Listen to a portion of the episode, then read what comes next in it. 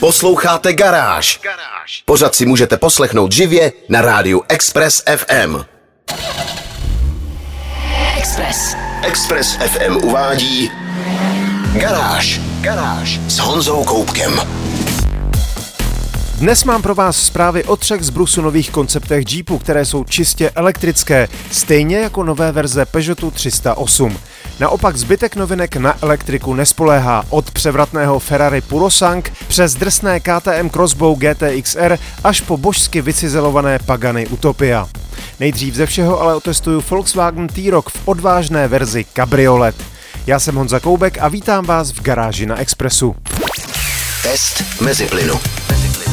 Postavit crossover bez střechy není úplně nový nápad. První to zkoušel Nissan, když v roce 2010 představil Murano Cross Cabriolet. Podivně bachraté až nevzhledné auto na trhu zcela propadlo a automobilka ho moudře stáhla z prodeje. Druhý se o pár let později odvážil Land Rover, když uvedl na trh Range Rover Evoque Cabriolet. Ten už se prodával lépe, přece jen přišel v době, kdy prodeje crossoverů raketově stoupaly a chtěl je úplně každý. Ani tak ale nešlo o kdo ví jaký prodejní trhák. A tak nelze než smeknout před automobilkou Volkswagen, že se odvážila svůj nový kabriolet udělat nikoli v tradičně z Golfu nebo snad z Pola, ale z malého crossoveru T-Roc. T-Roc sám o sobě je čtvrtým nejprodávanějším Volkswagenem v Evropě, právě po Golfu, Polu a větším Tiguanu. Navíc si ho kupují převážně mladší zákazníci, nicméně uříznout mu střechu je stejně krok, který si musel vyžádat spoustu odvahy.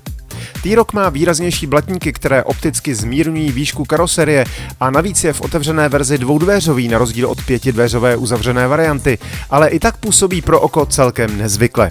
Uvnitř si naopak žádných změn nevšimnete. Samozřejmě kromě toho, že chybí střecha nad hlavou. Palubní deska je zcela stejná, jen na středovém tunelu před loketní opěrkou najdete dvě tlačítka. Jedno elektricky stahuje střechu, druhé dokáže stáhnout všechna okna najednou. Střecha samotná je plátěná, má slušnou izolaci a skládá se do svého vlastního prostoru za zadními sedadly, takže objem kufru zůstává identických 284 litrů, ať jedete s větrem ve vlasech nebo ne. Překvapením je i fakt, že T-Roc Cabriolet má o něco delší rozvor, takže zadní místa jsou použitelná i pro vzrostlejší cestující. Rozhodně tam najdou víc místa než v Audi A3 Cabriolet nebo BMW řady 2 Cabrio, což jsou prakticky jediní srovnatelní soupeři. Jak se s Volkswagenem T-Roc Cabriolet jezdí a žije, to vám prozradím za malou chvíli. Test mezi plynu.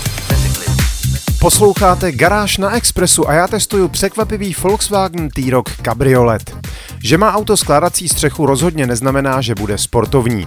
Když totiž vynecháme sportovní roadstry a zaměříme se na kabriolety, které vznikly z původně uzavřených modelů, logicky dojdeme k tomu, že sportovní ani být nemohou. Uříznutím střechy přijde karoserie o torzní tuhost, kterou je pak potřeba dohánět poměrně masivními a těžkými výstuhami. T-Roc je bez střechy o 190 kg těžší než sní. No a navíc je to prostě vyšší crossover, takže jsem žádné extra dynamické schopnosti neočekával. A dobře jsem udělal. T-Roc Cabrio je spíš auto na pohodové projížďky než na nějaké vymetání zatáček, a to přesto, že jsem měl silnější verzi se 150 koněvou benzínovou turbo 15 stovkou. Odpružení si také vyžádalo výrazné změny. Auto je trochu tuší a ve městě se pořád maličko třese. Osvědčilo se mi nechat adaptivní tlumiče DCC trvale nastavené na komfortní režim. T-Roc Cabriolet mi ale připravil velmi příjemné překvapení.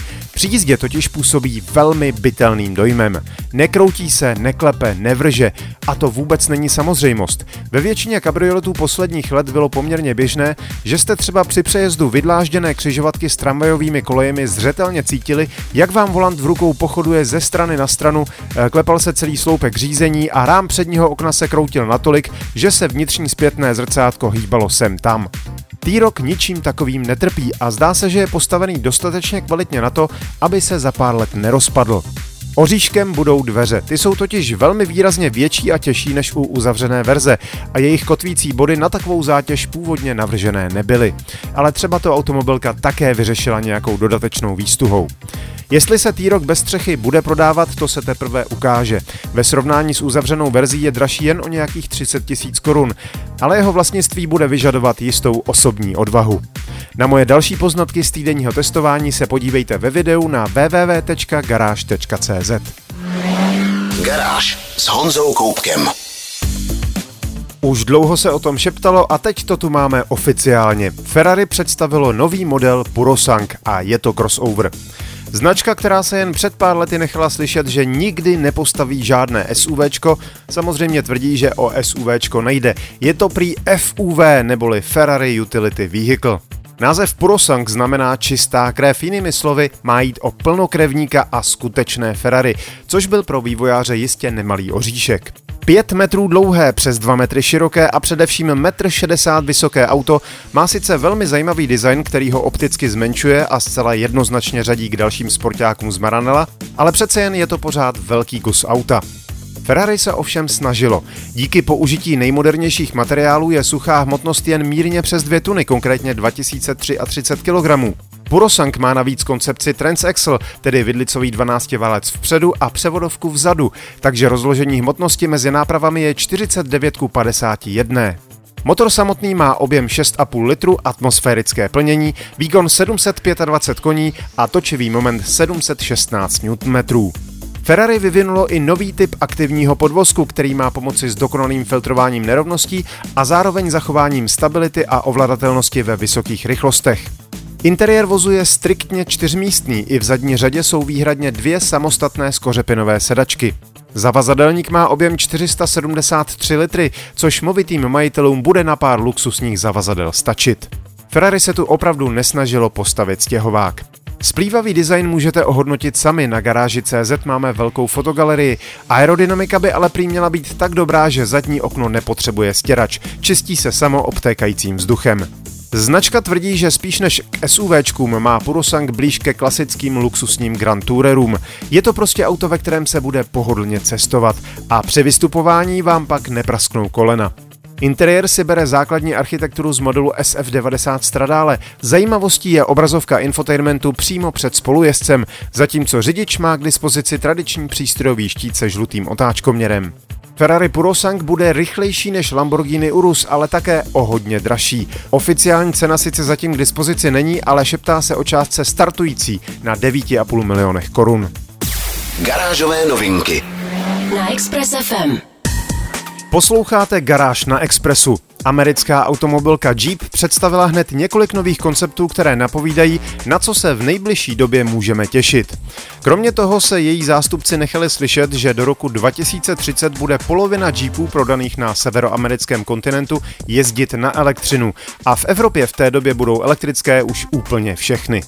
Avenger by se měl objevit už začátkem roku 2023 a bude cílit na mladší zákazníky a ženy. Prodávat by se kromě Evropy měl také v Japonsku a Jižní Koreji. Dalším představeným konceptem je Jeep Recon, elektrická obdoba Wrangleru. Spekuluje se i o tom, že Recon legendární model zcela nahradí, ale automobilka to odmítá. Platformou bude opět STLAčko, tentokrát v neskrácené verzi. Recon má po vzoru Wrangleru demontovatelné dveře a měl by mít i podobné terénní schopnosti, což je poměrně důležitá informace. Objednávky začne Jeep přijímat příští rok, auto se do prodeje dostane v roce 2024, ale prozatím se mluví jen o domácím americkém trhu. Do třetice přichází koncept Jeep Wagoneer S, který vizuálně připomíná pokračovatele modelu Grand Cherokee. Luxusní SUV bude opět stát na platformě Stellantis, tentokrát STLE A Large. Bude mít větší baterky, takže se dojezd i přes vyšší hmotnost udrží kolem 400 km a jeho elektromotory budou mít dost výkonu, aby velkého Jeepa vystřelili na stovku za 3,5 sekundy. To by bylo lepší, než umí zběsilý Grand Cherokee Trackhawk. Očekávaný vstup na trh je opět rok 2024. Wagoneer S je stejně jako Recon veden jako globální model, takže se uvidí, zda se dočkáme i v Evropě. Vzhledem k tomu, že tady Jeep brzo nebude smět prodávat nic jiného než právě elektromobily, bych to považoval za celkem pravděpodobné. Fotky všech konceptů a další informace najdete na www.garage.cz. Garáž. Peugeot představil čistě elektrické verze modelu 308 a to jak základního hatchbacku, tak praktičtějšího kombíku. Peugeot E308 SV je tak prvním z evropských kombi elektromobilů v segmentu C. Pohonný systém je postaven na akumulátoru o kapacitě 54 kWh, pracujícím s napětím 400 V a poskytujícím dojezd okolo 400 km. Spotřeba by se díky vylepšené aerodynamice a dalším úpravám měla pohybovat kolem velmi slušných 12,7 kWh na 100 km km. Kromě standardního třífázového nabíjení výkonem 11 kW je k dispozici i rychlonabíječka, schopná zvládnout až 100 kW a z 20 na 80 kapacity tak dobít za méně než 25 minut. Elektromotor má výkon 156 koní a točivý moment 260 Nm a Peugeot E308 by měl být zhruba o metrák lehčí než Volkswagen ID3. Designově se elektrické 308 nebudou od svých spalovacích sourozenců téměř vůbec lišit. Vylepšenou aerodynamiku má na svědomí zejména zakrytovaný podvozek, v menší míře pak upravená maska a 18-palcová kola snižující turbulence uvnitř blatníků. Kromě standardních jízdních režimů přibude režim Brake, který zvýší rekuperaci a sníží opotřebování mechanických brzd. Uvnitř se majitelé také nedočkají zásadních změn. Zůstává iCockpit s menším šišatým volantem a 3D displejem na vrcholu palubní desky. Další informace najdete na webu garáž.cz. Garáž s Honzou Koupkem. Na závěr tu pro vás mám zprávy o dvou úplně nových, ale přitom příjemně starosvětsky sportovních autech.